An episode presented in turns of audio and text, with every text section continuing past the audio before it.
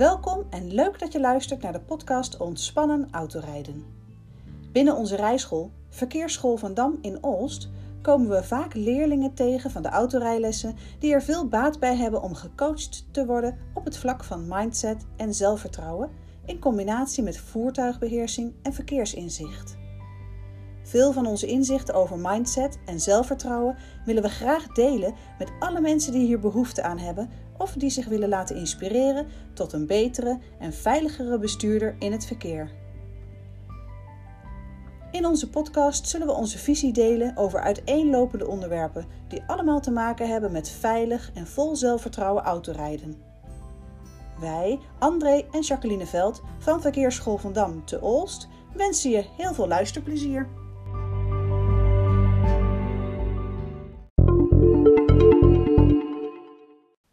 In deze podcast ga je luisteren naar André Veld en die gaat wat vertellen over het paraplu-verhaal. Om in Nederland te mogen autorijden, heb je natuurlijk je rijbewijs nodig. En wat hebben we daar nou voor bedacht? Ergens is er een minister aangesteld door ons en door ons gekozen. En die minister die heeft bedacht van hoe ga ik dat nou regelen dat iedereen veilig rond kan rijden. Hij heeft vervolgens een paar wijze mensen bij elkaar gebracht. En die hebben samen bedacht van we maken een boekwerk waarin duidelijk wordt wat een ieder moet gaan doen om veilig te kunnen autorijden. Dat is de rijprocedure geworden. Dus alles wat je leert in het autorijden staat ook in die rijprocedure. Het ideale plaatje hoe een bestuurder eruit gaat zien. Om te checken of een ieder dat dan ook kan en ook goed doet, heeft de minister gezegd: van, Nou, dan moet ik een bedrijfje oprichten die dat voor mij gaat controleren. Dat is het CBR geworden. De medewerkers daarvan, examinatoren, die hebben geleerd hoe ze dan die rijprocedure moeten lezen, hoe ze moeten kijken van wat doet een leerling en wanneer doet, is dat voldoende, wanneer is het onvoldoende. Dat is allemaal terug te vinden in die rijprocedure. En in die rijprocedure, die bedacht dus door allerlei mensen die met verkeer en, en dat soort dingen te maken hebben, hebben ze ook bedacht van wat vinden wij nou het allerbelangrijkste in het verkeer? En dat is je verkeerstaak. En daar wil ik vandaag wat meer op inzoomen. De paraplu-verhaal begint eigenlijk met weten dat er een verkeerstaak is. En een verkeerstaak die hebben wij meegekregen. Het, onze taak in het verkeer om te zorgen dat wij mogen autorijden in het verkeer. Wij worden er ook op beoordeeld door een examinator. Examinator is van het CBR. CBR die is opgericht door de minister om te zorgen dat wij met z'n allen veilig kunnen autorijden of in het verkeer bezig kunnen gaan hier in Nederland. De verkeerstaak is trouwens niet alleen voor automobilisten. Kan ook zijn voor voetgangers, fietsers, bromfietsers. Eigenlijk alles wat je in, in het verkeer tegenkomt. De verkeerstaak bestaat uit vier pijlers. Ik ga ze stuk voor stuk met jullie bespreken.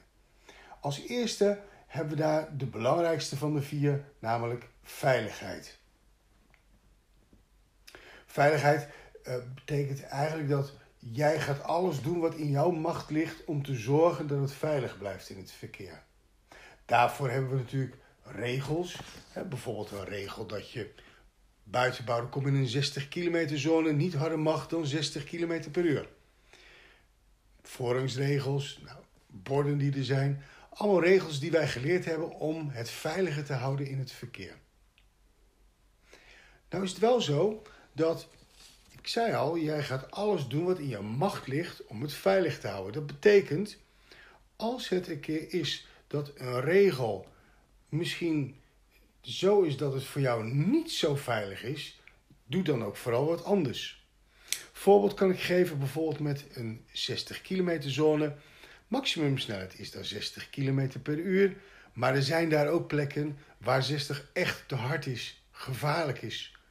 Dan wordt er ook van jou verwacht dat jij dus zo flexibel bent om te zeggen: ja, maar ik ga voor veiligheid, dus doe ik het rustiger aan en pas mijn snelheid aan aan dat wat veilig is.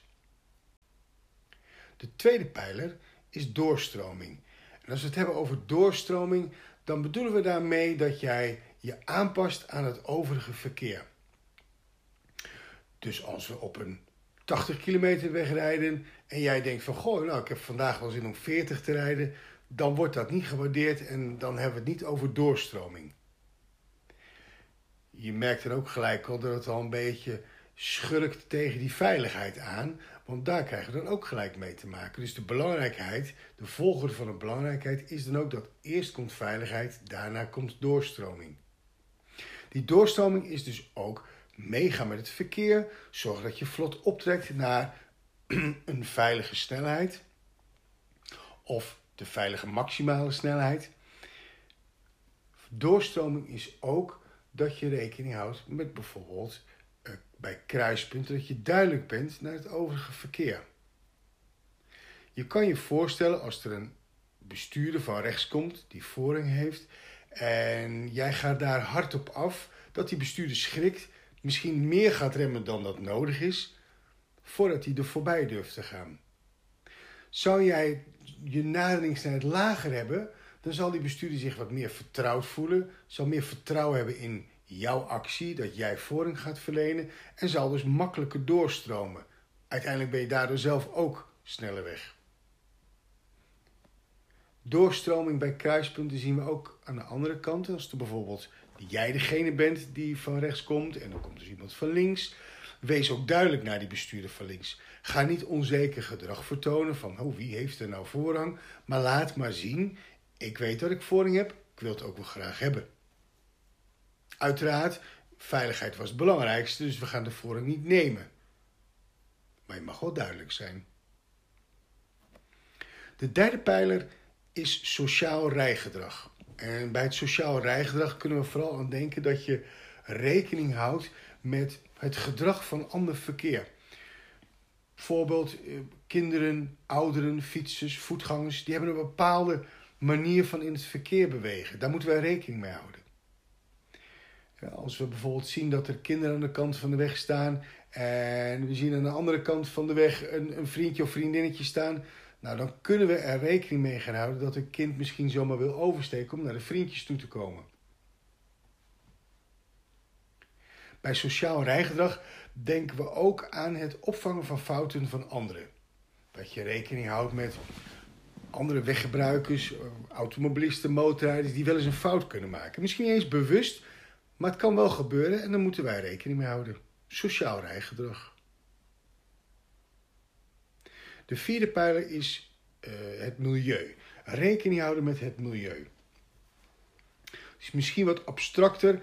Um, ook rekening houden richting het examen. Die wordt wat minder meegenomen in de beoordeling door een examinator.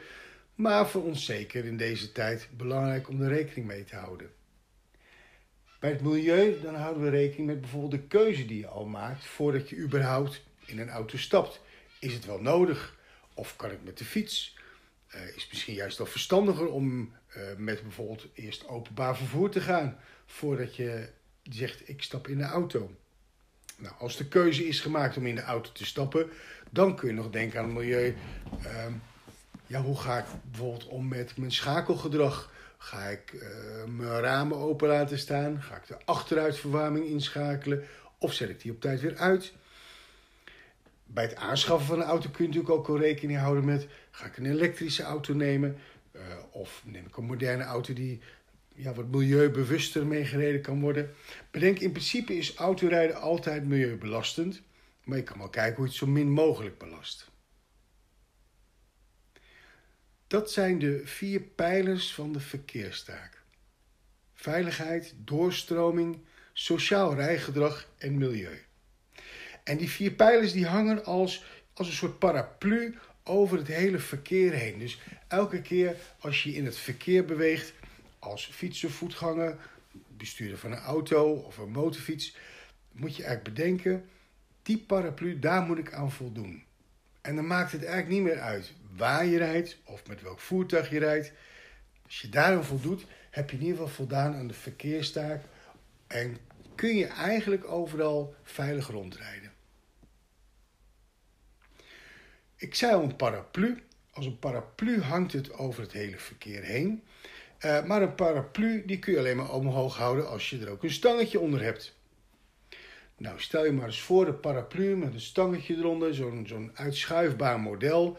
En dan heb ik het over een model van drie gedeeltes en dan hebben we nog het handvat.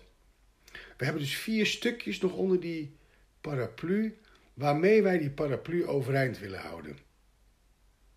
En die stang van die paraplu die staat eigenlijk voor kwaliteiten of eigenschappen, vaardigheden die jij moet bezitten om die paraplu overeind te houden. Om te zorgen voor die veiligheid, die doorstroming, dat sociaal rijgedrag en dat je ook nog rekening houdt met het milieu.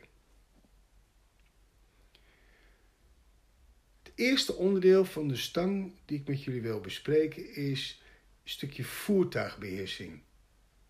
Eigenlijk het begin van de rijopleiding heeft een ieder gaat bezig met voertuigbeheersing.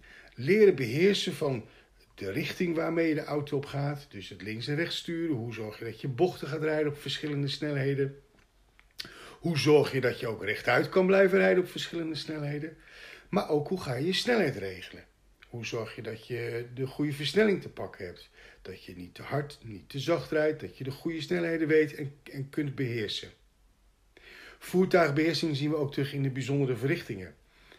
Daar ben je ook continu bezig met ja, eigenlijk de richting van de auto, het sturen en de snelheidsbeheersing.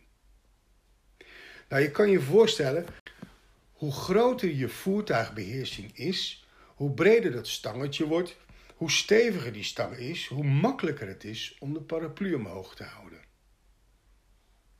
Maar goed, dit was pas het eerste onderdeeltje van de stang. Volgende onderdeel van de stang is uh, het stukje regelkennis. Daarvoor leren de leerlingen in het begin de theorie. Het zijn de regels, de verkeersregels, de borden.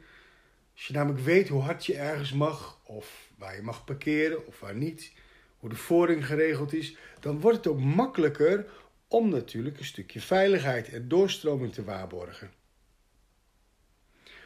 Hoe groter de kennis van de regels, hoe breder de stang weer is, hoe makkelijker het wordt om die paraplu omhoog te houden. Dan hebben we het derde onderdeel van de stang. En dat is misschien een beetje een vreemd als ik dat zeg, maar dat, daar zet ik altijd neer ik. En dan bedoel ik niet mijzelf mee, maar dan bedoel ik mee jij als bestuurder. Je moet jezelf kennen. Je moet jezelf weten waar je kwaliteiten liggen in het verkeer. Hoe zit je erbij op die dag? Heb je een goede dag of niet zo'n goede dag? Ben je scherp? Ben je moe? Of misschien ben je wel verliefd. Ook een emotie die de rijvaardigheid kan beïnvloeden. Ken jezelf daarin. Merk je dan van jezelf dat je het wat lastig vindt om bijvoorbeeld in een grote stad te rijden, dat je daar zenuwachtig van wordt, dan moet je zorgen dat je daar wat aan kan gaan doen. Hoe meer je jezelf daarin kent, hoe breder die stang ook weer wordt. Hoe makkelijk het weer is om de paraplu omhoog te houden. Het laatste onderdeel van de stang, dat is het handvat. En het handvat staat bij mij voor het ruimtekussen. En het ruimtekussen, dat is een onderdeel, die wil ik graag in de volgende podcast met jullie bespreken. Bedankt voor het luisteren en graag tot gauw.